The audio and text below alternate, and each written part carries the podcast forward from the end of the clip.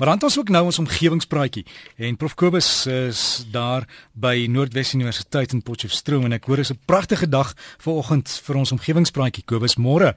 Goeiemôre Dirk, môre ons omgewingsvriende. Ja nee, is 'n baie mooi dag hier in Potch.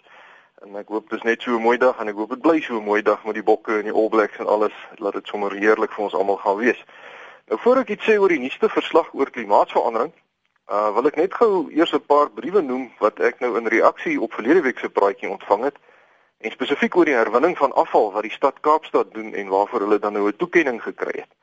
Nou eerstens het meneer Flip van Jaarsveld en ook meneer Hein Enslin beide van George vir my geskryf en hulle sê die George munisipaliteit het al vir 'n paar jare 'n soortgelyke stelsel waar 'n privaat kontrakteur op 'n tenderbasis aangestel is om herwinbare materiaal by huishoudings op te laai en hulle kry nou blou sakke en die blou sakke word dan saam met die swart sakke op dieselfde dag op die sypaadjies uitgeplaas en die munisipale werkers kollekteer die swart sakke en die privaat kontrakteur dan die blou sakke. Hy sê die stelsel werk baie goed en die herwinbare materiaal uh, word dan nou deur die kontrakteur hanteer. Um en Dr. Wick Hamilton Edwell het ook vir my geskryf en hy sê hy was bietjie afgehaal omdat ek so 'n mooi loflied oor Kaapstad se herwinningsprogram gesing het want Hermanus is al meer as 10 jaar lank besig met so 'n twee sak program. Hy sê daar het hulle ook 'n wit sak vir die herwinbares en jy verskaf self die so, eh, self nou die swart sak. Um en dan is daar nou oorlaaistasies en mense kan dan nou op 'n beurtbasis kan hulle daar staan en die afval hersirkuleer en hulle gooi dit dan nou in 'n 1000 kg sak en as die sak vol is dan word dit geweeg en die werklooses kry dan 'n bedrag geld daarvoor. Dr Hamilton Edwell sê verder dat Hermanus omtrent 8 jaar gelede ook begin het met sogenaamde swap shops, soos hulle dit nou noem. En dit is winkeltjies in die woonbuurte waarheen kinders dan nou sakke herwinbare afval kan bring en dan kry hulle items as betaling en hulle kan selfs 'n krediet op hierdie wyse opbou vir duurder items soos klere. Dan het mevrou Hanni Baardnos vir my geskryf en sy sê Pietermaritzburg se munisipaliteit het ook 'n herwinningsprojek aan die gang Ehm um, en hulle blikke en plastiek en papier word weekliks dan nou by die meis, by die mense se huise opgelaai, maar die glas moet mense nou steeds selfs nog uh, na herwinningspunte toe neem. En dan meer Bobby Mitchell van Stilbaai, hy sê hulle het 'n geruime tyd in Stilbaai ook al so 'n program uh, en dat dit eintlik in die hele distrik daar gebeur. 'n Maatskappy voorsien hulle weekliks van gratis deurskynende vulle sakke waarin hulle dan herwinbare afval plaas uh, en wat dan op dieselfde dag as die uh nie herwinbaar is opgelaai word. Ehm um, ja, en uh, ek het nog 'n paar briewe gekry met die slakkepos uh, wat nou gister by my aangekom het, so dit lyk vir my die ding is eintlik 'n bietjie weier in gebruik as wat ek nou gedink het. En ek wil uh, eintlik uh, my my my groot uh jy weet lekker voel moet hieroor uitspreek as ek dit so kan sê. Dis uitstekende nuus dat sulke inisiatiewe nie net in Kaapstad gebeur nie. Uh, maar die feit bly staan dat daar benewens die paar munisipaliteite wat nou vanoggend genoem is, eintlik lyk my bitter min ander munisipaliteite in Suid-Afrika is wat aktief by hersirkulering betrokke is. So wat nou van die res van ons land? En ek herhaal graag daarom vanoggend my uitdaging aan al die ander munisipaliteite om hierdie mooi voorbeelde te volg. Jy hoef nie die wiel te herontwerp nie, gaan kyk maar net in Hermanusstol by George Pietermaritzburg of Kaapstad of na 'n paar ander plekke oor hoe dit gedoen word. Die punt is dat hersirkulering net so 'n belangrike onderdeel vorm van klimaatsverandering as steenkoolkragstasies of die verbranding van olie of aardgas, want as jy iets hersirkuleer, dan spaar jy 'n groot klomp energie en dan hoef daar minder fossielbrandstowwe verbrand te word om die energie op te wek, so die besoedeling is ook minder.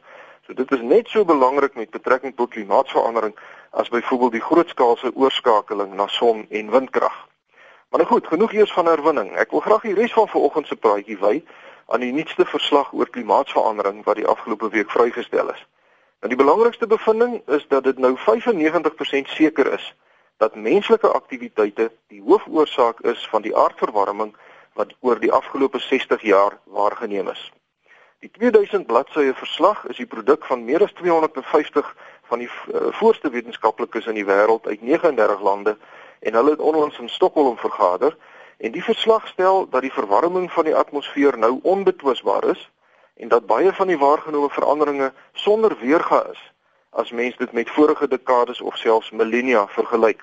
Die atmosfeer sowel as die oseane het warmer geword, die volume sneeu en ys op land het afgeneem, die seevlak het gestyg en is besig om verder te styg en die konsentrasie van kweekhuisgasse in die atmosfeer het toegeneem. Die aardoppervlak was gedurende elkeen van die vorige 3 dekades warmer as die vorige dekade en as enige vorige dekade sedert 1850.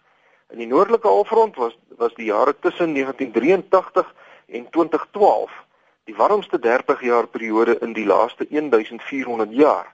En omdat water 'n groot soortelike warmte het, met ander woorde, 'n mens het baie energie nodig om die temperatuur van water te verander, ehm um, is die see die plek waar die meeste energie opgeneem word.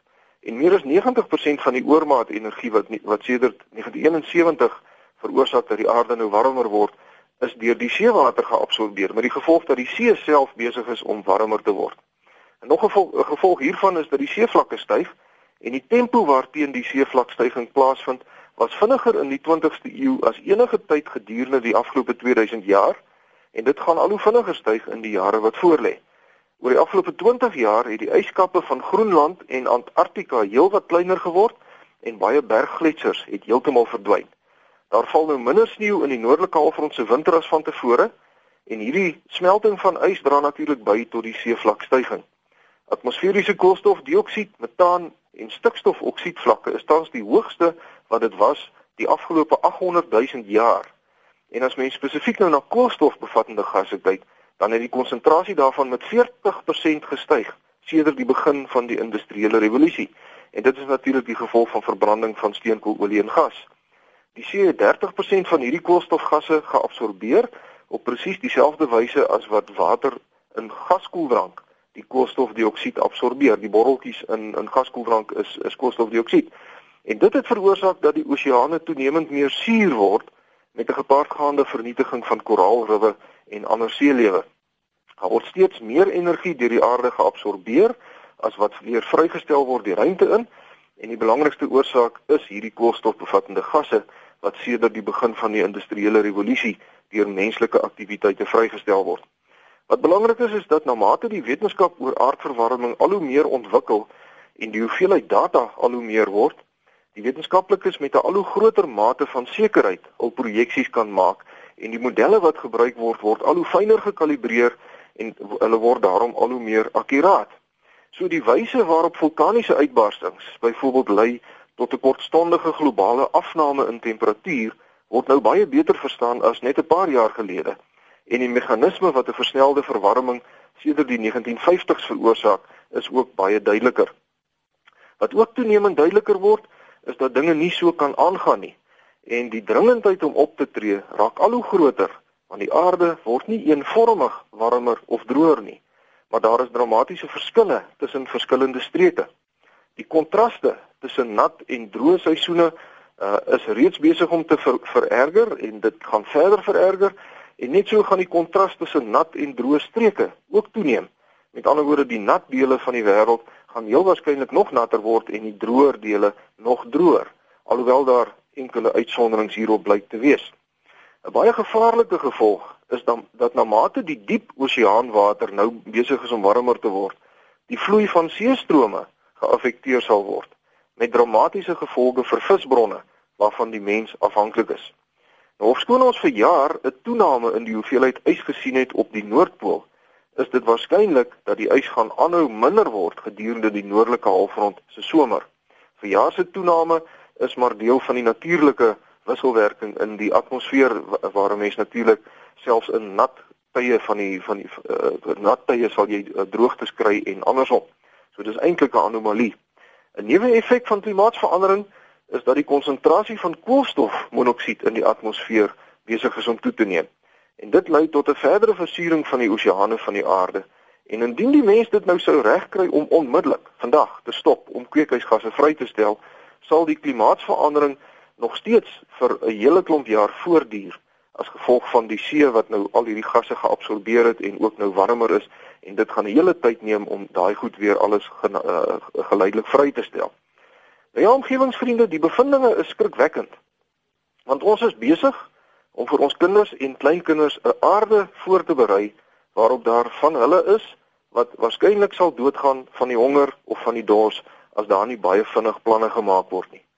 Nou gelukkig is daar daarom elke week goeie nuus oor die vinnige nuwe ontwikkeling en implementering van groen energiebronne en groen motors en allerlei tegnieke om ons gebruik van fossielbrandstowwe te verminder.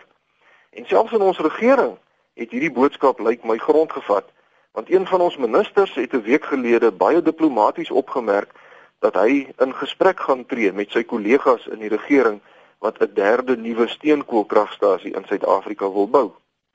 So kom ons vertrou dat die korrekte strategiese besluite betyds geneem sal word en intussen het elkeen van ons steeds die verantwoordelikheid om te doen wat ons kan, al is dit ook hoe gering. Elke bietjie herwinning, elke gloeilampie, elke songeyser, elke groentetuintjie en elke bietjie water wat gespaar word, help. En daarmee sluit ek af vir oggend.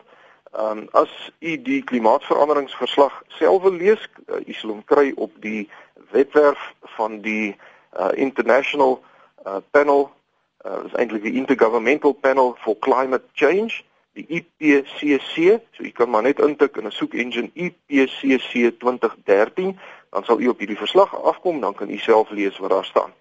Ons omgewingsvriende is welkom om vir my te skryf. My rekenaaradres is kobus.vanderwalt@nwu.ac.za of ek is by die fakulteit Natuurwetenskappe Noordwes Universiteit, Potchefstroom 2520. Groetnis tot 'n volgende keer. Dankie Kobus, alles van die beste. Kobus.vanderwalt by nwu.ac.za